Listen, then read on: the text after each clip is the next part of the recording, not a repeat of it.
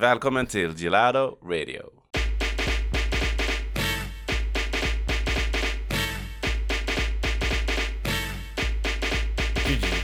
Gelato. Gelato.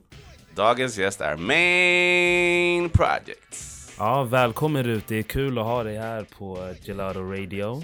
Tack. Det är superkul att få vara här. Hur länge har du DJat och hur kom, det, hur kom du in på det spåret? Eh, jag har väl DJat ja, men snart ja, men tre och ett halvt år ungefär. Eh, tre och ett halvt år sedan så tog jag i ett DJ-bord för första gången. Och var var det någonstans? Eh, det var eh, på, jag, eller så här, jag kanske ska berätta hur, hur det kom sig att, att jag fick tag på det här DJ-bordet. Nej. Men eh, min kompis ville jättegärna bli DJ och tyckte att, eh, vad fan, det verkar inte så jävla svårt. Eh, och bokade en spelning åt oss. Ah. Eh, innan vi ens hade, alltså vi hade inte ens sett ett DJ-bord. Det var verkligen så här, eh, hon, hon hade väl ett litet hum om att man typ behövde ett USB. Eh, men det var verkligen på så här eh, nollnivå. Och jag som den, jag har liksom prestationsångesten eh, jag fick av det här, liksom, jag fick panik. Jag bara, nej vi måste lära oss på något sätt. Så jag tvingade henne att boka en DJ-kurs till oss. Så då gick vi ner längst ner i en killes eh, källare. Och fick, Oj, fick Nej, eh. Sorry. Ah. eh, lära oss av honom. Och han Ja. heter eh, eh, Micke Lindfors. Han var liksom en sjukt duktig lärare så vi gick in där på fredagen och började lära oss. Och på söndagen kom ut och var typ helt okej ändå. Alltså visste ändå Mm. vart allt satt. Kul. Så här, vi kanske Mm. inte kunde beatmixa Mm. fläckfritt men det var ändå så här att vi kunde ta oss runt. Mm. Och så hade vi vår första spelning och de tyckte uppenbarligen att vi var ganska bra. Vad var så den då? att- på Scandic Malmen. Ja. Ah. Eh, och eh, de tyckte väl liksom att det var ganska nice mainstream musik liksom. För vi Mm. hade inte någon riktig koll på vad vi spelade. Eh, så sen fortsatte vi bara att bli bokade där. Och sen tyckte väl hon till hösten att det liksom inte var riktigt hennes eh, grej och hon hade inte riktigt tid för det heller. Medan jag tyckte att det var det mest fantastiska jag hade gjort. Mm. Så att, ja, så så började jag Så dit. tre och ett halvt år sedan ner i en källare Mm. på två Precis. dagar och sen så var ni hade ett gig. Ja, det är Ja. inte dåligt. För jag vet, både du och jag delar ju ett vinylintresse. Mm. Som vi typ... Det känns som det blev typ seriöst för oss båda ungefär samtidigt Ja. liksom. Jag tror att det blev seriöst för dig lite in, innan det blev det för mig. Jag var nog och, och tyckte fan det där var så jävla häftigt liksom. Mm. Eh, och sen typ, jag vet inte om vi spelade någon gång tillsammans. Jag tror att det var efter att jag hade varit i Berlin och fått en crash course i, Mm. i Ja vinylspelning. just det. Vad är de tre viktigaste grejerna man ska tänka på när man kör vinyl då? Du hade fått en crash course när ni spelar vinyl. Vad ska man tänka på? Eh, jag skulle säga, alltså gud det är ju, alltså det känns som att det är typ tio dimensioner bort om man Ja. jämför med att spela Okej, men CD. var börjar man då? Vart börjar man? Alltså jag skulle säga, tänk dig vanlig CD-spelare, Pioneer, CDJ. Mm. Ta bort all assistans du har, liksom att du kan se ljudvågen. Mm. Du kan cuea vart du vill. Alltså man går ner på basics. Man kan bara pitcha ett visst intervall. Mm. Man får verkligen anv- alltså använda öronen. Det är väl Ja. typ det. Man lyssnar verkligen på musiken.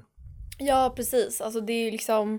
Eh, när jag började spela vinyl så började jag bara med att försöka hitta kicken. För att det är i en vanlig låt och du ser ju liksom vart den kommer och oftast är den redan inställd på play. Mm. Men när du lägger på en, en nål på en vinylskiva då tar det oftast ett litet tag innan låten börjar. Mm. Och sen att kunna hitta att så här, okej där är ettan. Eh, det tog mig ganska lång tid innan jag, Mm. bara, innan jag fick till det liksom. Eh, och sen när man har börjat hitta kicken eh, då kan man börja leka med pitchen liksom, Mm. och förstå hur man typ drar upp låten eller, liksom, i takt och sådär. Mm. Och sen kan man börja med en annan liksom, och försöka hitta kicken på den. Och sen är det bara att blint stå och öva. Att, så här, du vet inte vad de här låtarna har för BPM. Ja. Försök hitta snarlika låtar så det inte blir allt för spretigt. Liksom. Mm. Men det, jag tror att jag har blivit en väldigt mycket bättre DJ på att lära mig att spela även på Ja, CDI. definitivt. Det känner jag samma också. Eh, jag visste typ inte riktigt hur man joggade innan och nu känns Ja. det liksom lite snabbt kanske för jag tycker i hiphop så går det ganska snabbt med låtarnas byte liksom. Ja. Men i house då är det ju verkligen, alltså låtarna kan ju ligga i en halv minut tillsammans. Mm. Då måste du lära dig att jogga liksom för att det ligger i takt. Mm. Men jag minns att när vi spelade på Brillo så... uh, jag tror det var något fel med ditt USB-minne. Det Nej, du- jag, jag glömde eller- mina USB. Ja, du glömde dina Ah. USB. Så det var du, jag och Anders som spelade, kommer ihåg. Då fick vi bara köra vinyl, men det gick ju fett bra. Det Ja. var sjukt bra drag. Ja, men det är ju, jag tror lite så här, alltså man är ju fett rädd för att typ spela ute med vinyl för att det är så mycket som kan gå fel och Ja. sådär. Men jag tror också för att bli en duktig vinyl-DJ så får man bara kasta sig ut Ja. och bara lära sig sina misstag typ. Ja. Man kanske inte kastar sig ut när man står liksom och kör nattklubb eh, och man har, det finns en risk att man kan förstöra hela dansgolvet. Nej, men, precis, precis. men annars liksom. Det många ställen i Stockholm som har vinyl? Ja, det varierar. Alltså, som har, frågan är som har bra vinylsetup. Det är en helt annan Ja. Ibland kan det ju vara det liksom, som är- man måste ändå ha, känner jag, rätt bra, i alla fall bra ljud i båset. Som man, för man känner ju verkligen när man spelar det. Är det Ja. halvrisigt ljud, då är det inget kul alls att, Mm. att spela vinyl. I, vet ni vem eh, producenten Object är? Nej, inte Jag jag. känner igen namnet. Okej, men han har liksom gjort en så här eh, eh, Club Managers and Bookers Guide to, Ah. the, to the most eh, perfect setup with vinyl. Så då är det Ah. så här, man ska ha betongplatta, Ah. man ska ha tennisbollar och det är liksom sjukt avancerat och Ah. det är väldigt få klubbar som Jag såg sig. någonting, men jag, jag såg någon typ så här innovationsgrej med han Jazzy Jeff eh, på Youtube häromdagen också om någon typ av lösning på det problemet. Mhm. Eh, jag kommer inte riktigt ihåg exakt vad det är eftersom att jag inte spelar så mycket vinyl själv men ska börja spela vinyl. Ooh. Eh, men det var också det att även om allting hoppar och det studsar och så, liksom, så är det här helt o... Jag tror han till och med kunde ta av, han kunde ta till och med bort skivan, alltså vinylskivan från spelaren och att den fortfarande spelar. Alltså det var någon ny teknik som var helt amazing som typ är på ingång tror jag. Mhm. Som då troligtvis kommer underlätta just den här grejen att, man, att allt runt behöver inte vara så jäkla Mm. on point. För att Ah, liksom, spelaren i sig är inte lika beroende av liksom, de omliggande Mm. faktorerna faktiskt. Så jag vet inte riktigt vad den Ja. hette men det var en, en nice grej faktiskt. För det har hänt en gång när jag spelar, typ precis när jag började spela vinyl och då okej, man har fått in några mixar, okej nice. Kollar man nästa skiva och från ingenstans så hoppade bara nålen av. Och bara, jag fattade ingenting vad som hade hänt. Men det är också en del som är kul, man måste ha mer koll, alltså man kan bli rätt slapp när man spelar på CD-spelare. Liksom man har ju sin tid, man vet ju, man kan mixa in på några sekunder bara, men med vinyl. Det är mer en artform känns det som. Ja. Mm. Eh, vi var ju uppe i Uppsala och spelade, eh, eller på det översta golvet så spelade Ari Bald och eh, Dorsey Plantar. Eh, och han, han sa så roligt, han bara ja men om jag spelar CDJ då står jag ju där och har ingenting att göra och blir lite nervös och börjar titta på folk. Medan spelar man vinyl då har man hela tiden någonting Ja. att göra för det är ganska mycket mer jobb liksom. Ja. Mm. Han bara, jag, jag är mycket mer bekväm med det. Det var så roligt att höra. Han bara, jag vet inte vad jag ska göra när jag spelar CDJ typ. Står och tittar på. Men det är lite så, alltså, spelar man med någon annan då står man ju och hänger och snackar skit. typ. Ja, Men precis. är man själv, det är ju lite så här. Har man en ganska bra bild på vad man vill spela, då blir det lite så här. Mm. Då måste man ju också när man spelar vinyl på så sätt som ni pratar om måste man ju preppa otroligt mycket. Ja, Innan. Eftersom att, eller går man bara, plockar man bara skivor så vet man inte riktigt var de ligger och sen sitter man och putsar det. Alltså man måste väl ha ganska bra koll innan man kommer dit också. Jag tror det är väl i- olika från DJ till DJ, men jag brukar ha i min vinylväska liksom vissa som jag alltid har med mig. Mm. Som jag vet passar in med ganska mycket som jag spelar. Mm. Så Ja. vissa, vissa skivor har man ju bättre koll på än andra.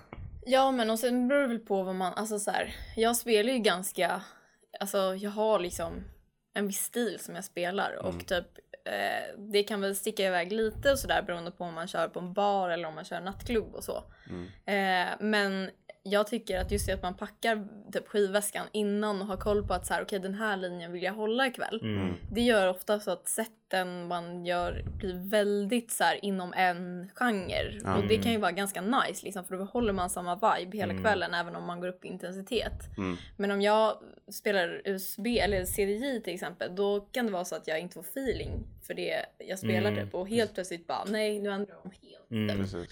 Mm. det är nog typ någons, det kan vara typ nervositet bara och då är det Mm. skitonödigt att man ändrar liksom.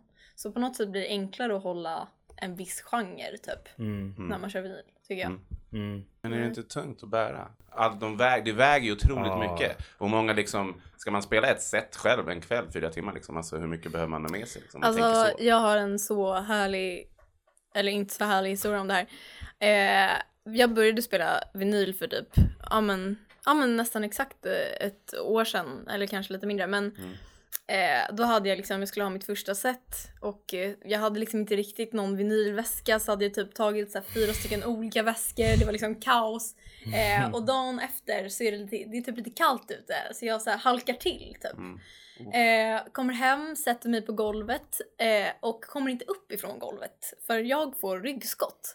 eh, och då liksom var jag tvungen att åka till liksom, naprapat och hela grejen och då sa de just det att så här, om man bär liksom på ett visst sätt och det Mm. kan vara att de, det har liksom lagt sig fel när jag Mm. liksom gått och burit på det här för det kan ju väga typ så här 25 kilo, fan, Precis. 50 kilo. Eh, det är klart som fan någonting halkar Mm. Så att jo, man kan göra, man kan göra illa sig. Ehm, jag har faktiskt en fråga till dig Rut. Mm. A.k.a. main project. Ehm, det brukar vara ganska naturligt steg att man proddar och spelar. Alltså det brukar gå hand i hand att man går åt det hållet. Har du funderat någonting på att prodda? Eller har du suttit och pillat med det något? Eller är det något du vill göra i framtiden? Liksom? Ja, eller alltså jag har väl börjat och sådär. Jag sitter i Ableton. Eh, men jag tror att jag har haft typ lite för mycket att göra. Dels att jag har spelat så himla mycket och eh, samtidigt jobbat och sådär. Att det är liksom inte, jag hittar inte lugnet för att sätta mig och prodda. Och jag har nog inte kommit till den nivån att jag är tillräckligt bra för att känna att jag blir tillfredsställd när jag sitter och proddar. Utan det är mer en frustration över att jag inte får till det precis som jag vill ha det. Amen to that. Eh, men man blir jävligt taggad just för att typ min pojkvän och hans bästa kompis de driver eget skivbolag och proddar Okej. skitmycket. Och är Vad heter- jätteduktiga liksom. Vad är det för skivbolag? Eh, de heter Bars of Beats. Okej, Bars shout of out. Beats. Mm. Mm. Och det är så här, det är roligt för båda de kan göra väldigt mycket olika typ och de försöker väl hitta sitt eh, Ja. sound och sådär. Men de är jätteduktiga och då känns det lite så här när jag hör vad jag själv sitter och gör så skäms jag. så ge mig några år. så Men du har ett intresse men när det känns Ja. mer, Ja. Eh, när tiden finns. ja, precis. Och lugnet. Och precis, sig in, tiden liksom. och lugnet och Mm. också jag tror att jag har spelat ganska mycket det här året. Jag börjar känna att man kanske inte behöver spela liksom tre gånger per vecka.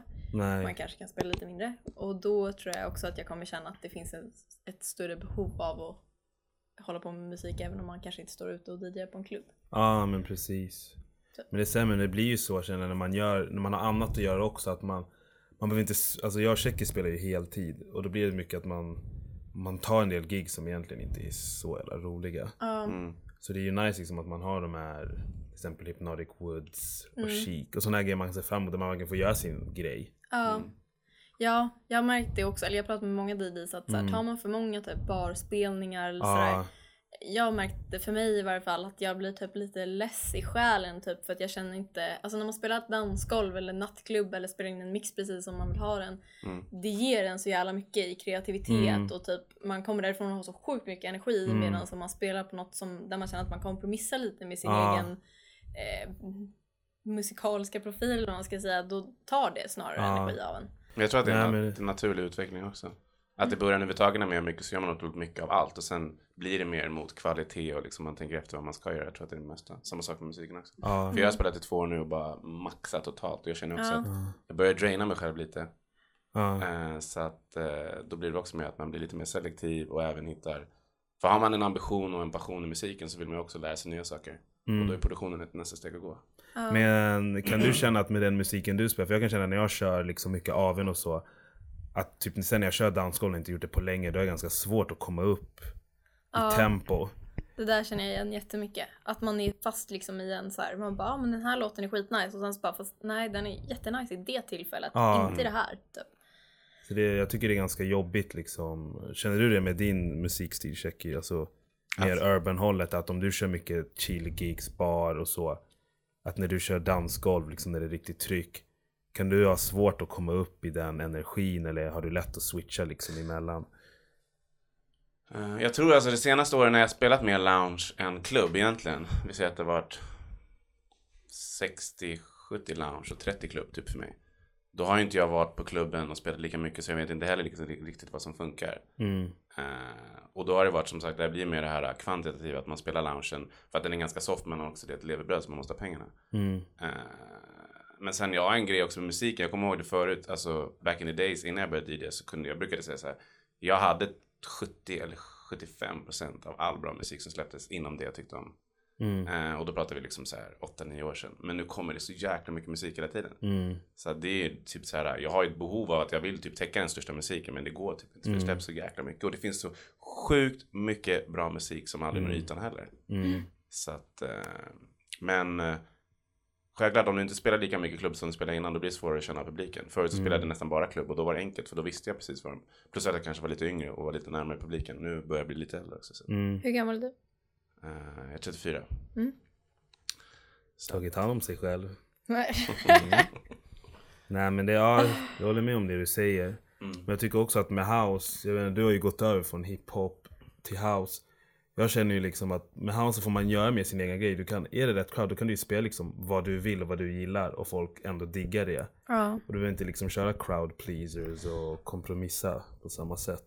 Nej, och det var väl därför jag försökte komma bort från hiphopen för att jag kände att det är roligare att få visa eh, publiken typ eh, den här låten är så fet, typ. Eller testa av så här, kan jag spela den här nya låten som ingen har hört och folk börjar dansa ändå. Och det är det som är så magiskt med house, att det kan vara bara en, in, liksom, en slags intensitet i låten eller eh, en viss sample som får folk att typ tycka att det är så jävla fett. Mm. Ehm, så det är väl det som är så jävla roligt med house. Liksom. Det behöver, ingen behöver känna till låten men de tycker om den ändå. Mm. Man bygger en annan stämning med det liksom. Mm.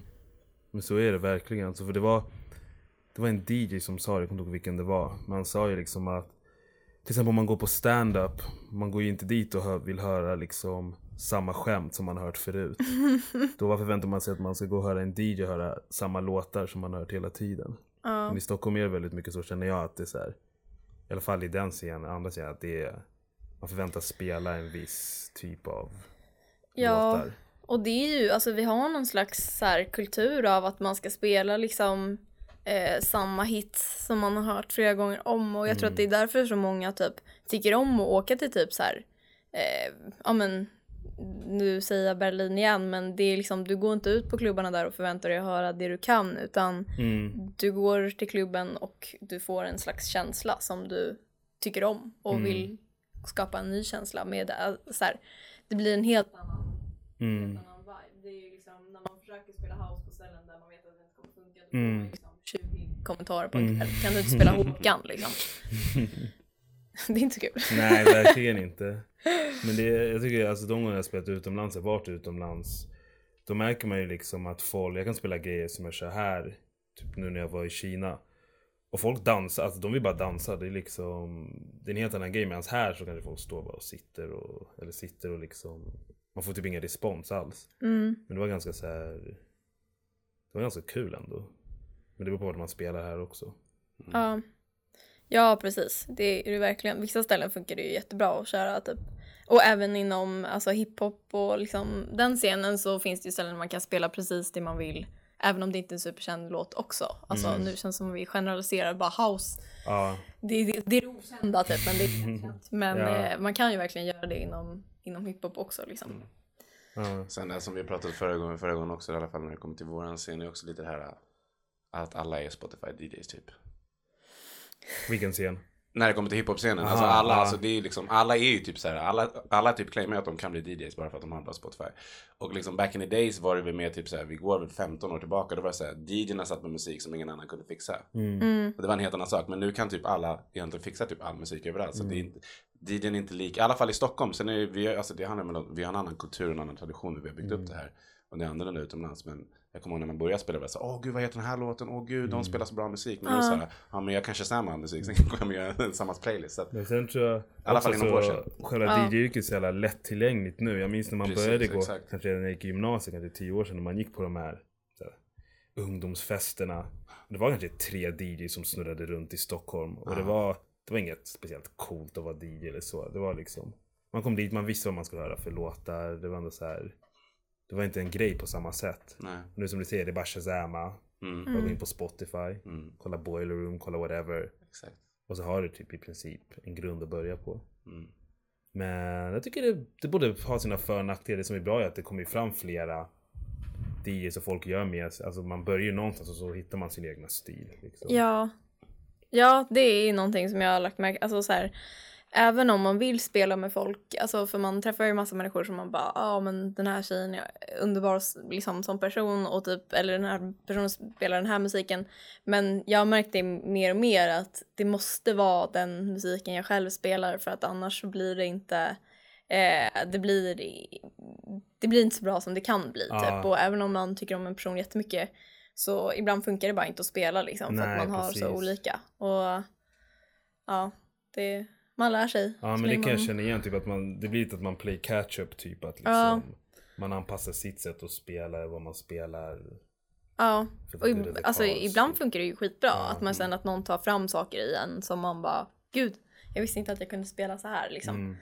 Men eh, ibland så blir det bara raka motsatsen. Och man märker att så här, nu, nu liksom trampar vi vatten för att vi kommer ingenstans typ i vår Mm. musik. Typ. Ja. Vår scen, eller min scen som jag spelar på är ganska infekterad. Eh, ja, alltså den är, alltså, jag, tror, jag tror att den är ganska dålig, den är ganska dåligt skick. Det är, det är en ganska låg nivå på våran scen överhuvudtaget. Det är, det är otroligt låga krav för egentligen vara en DJ. Eh, så det är lite trist. Och Vad tror du det beror på?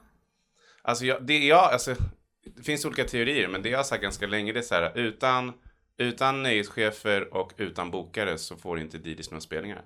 Så att jag brukar alltid anse att, jag, jag anser att det är eh, eh bokarna och nöjescheferna som måste step up their game och vara mer insatta i vad bra musik är och vad bra DJs är. Ja. För att äh, står jag ute så är det en DJ som spelar dåligt så tycker jag så, ah, men den här personen kan inte mixa. Men det betyder att den här personen blev bokad av någon annan. Så det är egentligen inte personen i frågans fel. Ja. Jag kommer ihåg för ett liknande vet du det, scenario som du pratade om att ni fick en bokning och inte, visste, inte kunde DJ. Mm. Då hade jag för kanske fem sex år sedan två tjejer som sa så ah, men vi ska spela på ett ställe. Men vi hade spelat förut men de bokade oss ändå. Då gjorde jag samma sak. Jag gav dem en snabb crash course på typ en dag. Mm. Så jag lärde dem basics. Men det var ju otroligt många som blev bokade. Även fast de inte kunde spela. Då var de med typ så ah, men du kanske får lite dricka eller du får lite hype eller du får lite mat för du kan dra dina kompisar. Så att... ehm, Ja, alltså där, för det här vill jag komma till. Att Ja. ofta typ, det finns någon slags blandning i Stockholm där man inte förstår vad en promoter är. Man Mm. förstår inte vad en bokares jobb är. Och, eller en nyhetschef och en DJ. Alltså det är ju de här fyra rollerna som egentligen är så här. Man tycker att DJn ska vara en person som både är promoter, Mm. drar massa folk, gör eventet, gör liksom allting. Allt. Mm. Och det funkar inte riktigt så för att ofta då så bokar du en person som kanske inte är eh, en jätteduktig DJ men har ett jättestort following. precis, Och det skapar en asdålig musikkultur. Liksom, kultur. Mm. Det, då blir det Spotify DJs och det blir liksom inte typ kvalitet. Gud vad dryg jag låter. Nej, men, det, alltså, det är eh, inte drygt. Det handlar om kunskap och erfarenhet. Det här är liksom någonting vi... Jag har upplevt exakt samma sak. Det är liksom... Man ska göra så mycket... Är man en DJ när man bokar så ska man göra så mycket mer än att bara vara DJ. Ja. Man är, Mm. Så att liksom, är jag DJ ska jag komma dit och spela. Och då är liksom, vi har också pratat så här, relation till vad man får för summa. Jag Ja. får ju oftast en summa för egentligen speltiden jag är på klubben. Mm. Men att jag sitter och lägger upp eventen, pushar in det och lägger till massor med extra saker, de får ju oftast inte en klapp på axeln. Så att det är liksom, Mm. det är fel att eh, promoters och nöjes, alltså bokarna fyller inte riktigt sina egna syften. Och det är det vi också försöker tänka på när vi gör gelato. Att vi ska skapa, oberoende om, om vem, vilken DJ som spelar, så ska det fortfarande vara liksom ett bra tryck där inne för att vi Ja. har gjort vårt jobb som Ja precis, också. du ska behöva komma dit och spela. Ja, Och liksom, det är nice om man tar dit någon av sina polare för att det är nice. Men det ska Ja. inte vara liksom, ja men. Du ska fylla klubben. Ja, du ska typ. fylla klubben. Och Precis. sen Ja. om du gör det, du får inget mer för det. Du får inte Nej. mer pengar för det. Alltså, du får inte en cut av liksom. Det händer ju på ställen där vi kör där. Mm. De är såhär, ja ah, men det är jättemycket folk, det är bra drag. Som ah, nej men baren gjorde inte det här och det här. Men då blir det liksom. Egentligen det är irrelevant för oss. För vi vill göra en bra fest. Exakt. Att våra gäster ska ha kul. Om inte vi ser en cut av det, då är det... exakt. Men jag tycker man ska börja ta in promoters på riktigt. Alltså så här att man har typ, ja men säg att de här liksom, två eh, personerna drar skitmycket folk. Ja men ta in dem som klubbvärdar. Eller Ja. liksom de är värdar för den kvällen typ. Mm. Eller promotar den här kvällen. Mm. Och sen har du två DJs som verkligen är så här duktiga. För jag tycker att Alltså det förstör ju ens kväll när man kommer till ett ställe och det är, visst det är packat men det är en dålig DJ eller liksom Ja. det inte Ja. är, när det kan vara så bra. Ja, Mm. men det är därför jag tror att rent liksom tekniskt sett och musikmässigt så är ju, jag tror i alla fall min scen är typ on a low typ.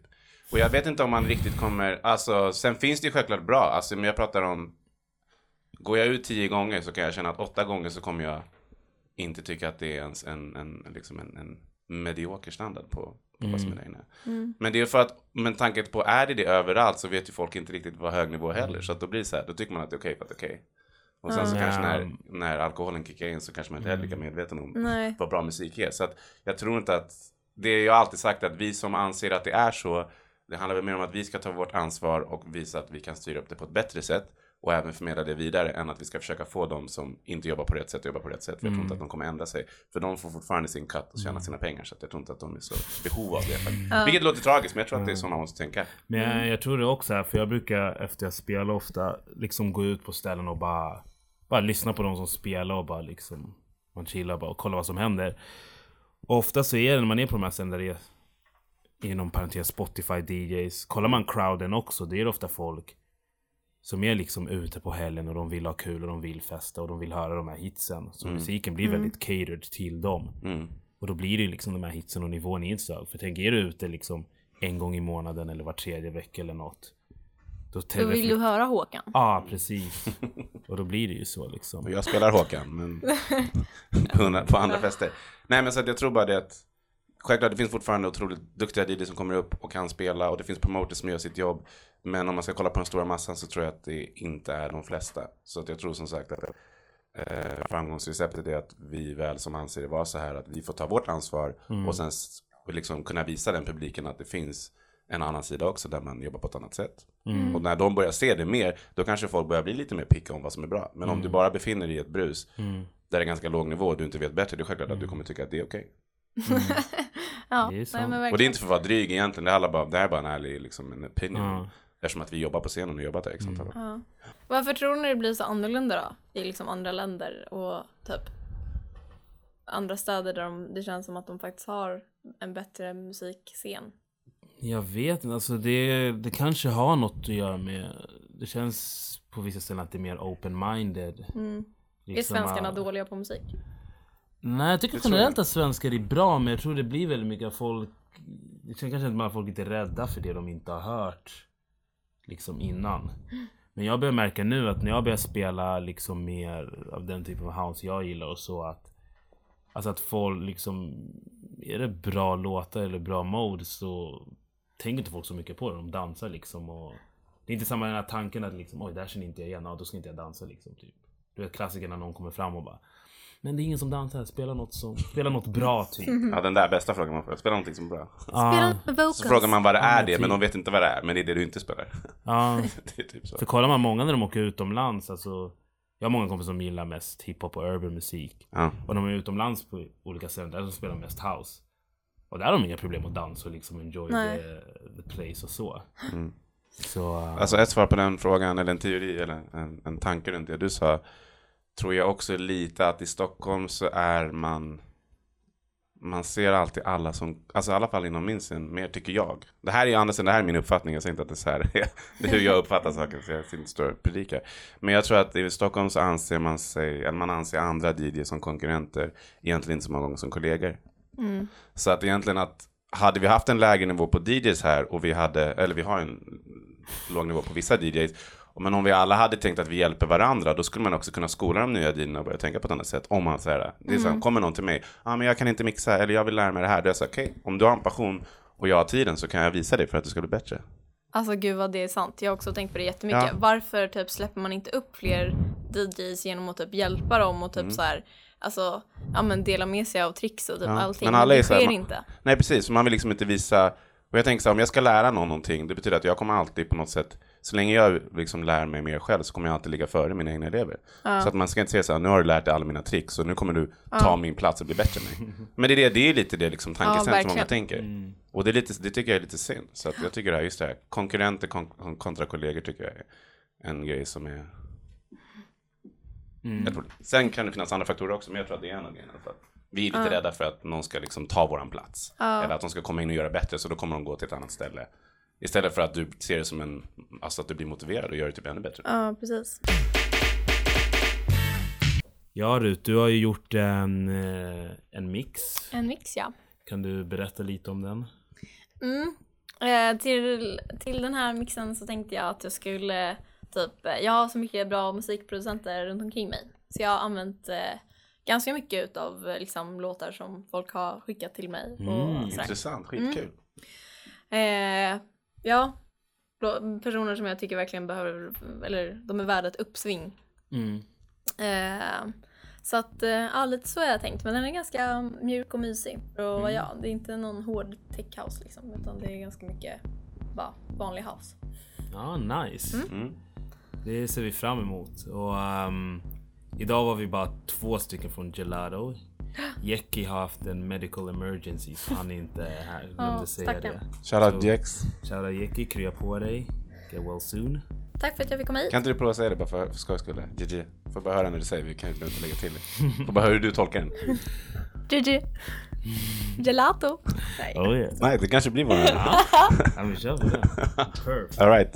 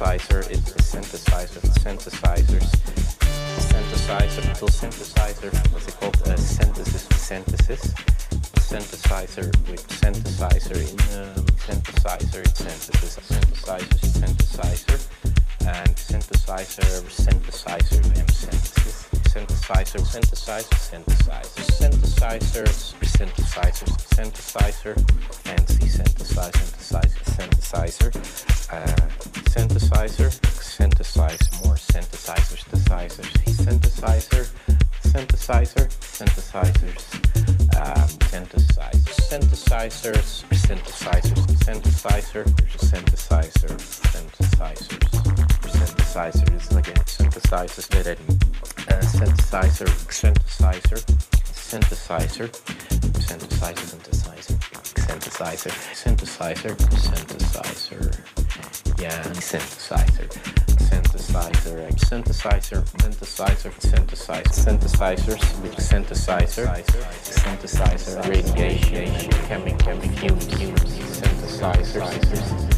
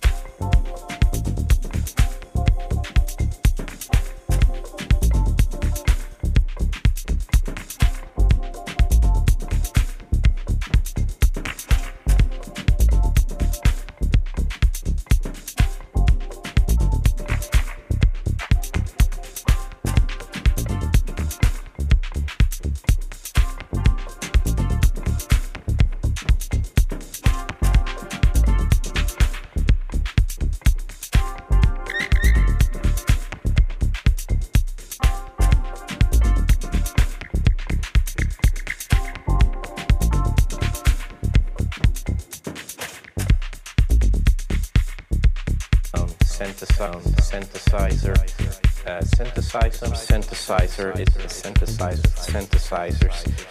Synthesizer, little synthesizer, it called? Uh, synthesis, synthesis. Synthesizer with synthesizer in um, synthesizer, it's synthesis, synthesizer, synthesizer, and synthesizer, synthesizer, and synthesis. Synthesizer, synthesizer, synthesizer, synthesizers, synthesizers, synthesizer, fancy synthesizer, synthesizer, uh, synthesizer, synthesize more. Synthesizers, synthesizers, synthesizer, synthesizer, synthesizer, um, synthesizer, synthesizers, uh, synthesizers, synthesizers, synthesizer, synthesizers, synthesizers, again, synthesizers, did it.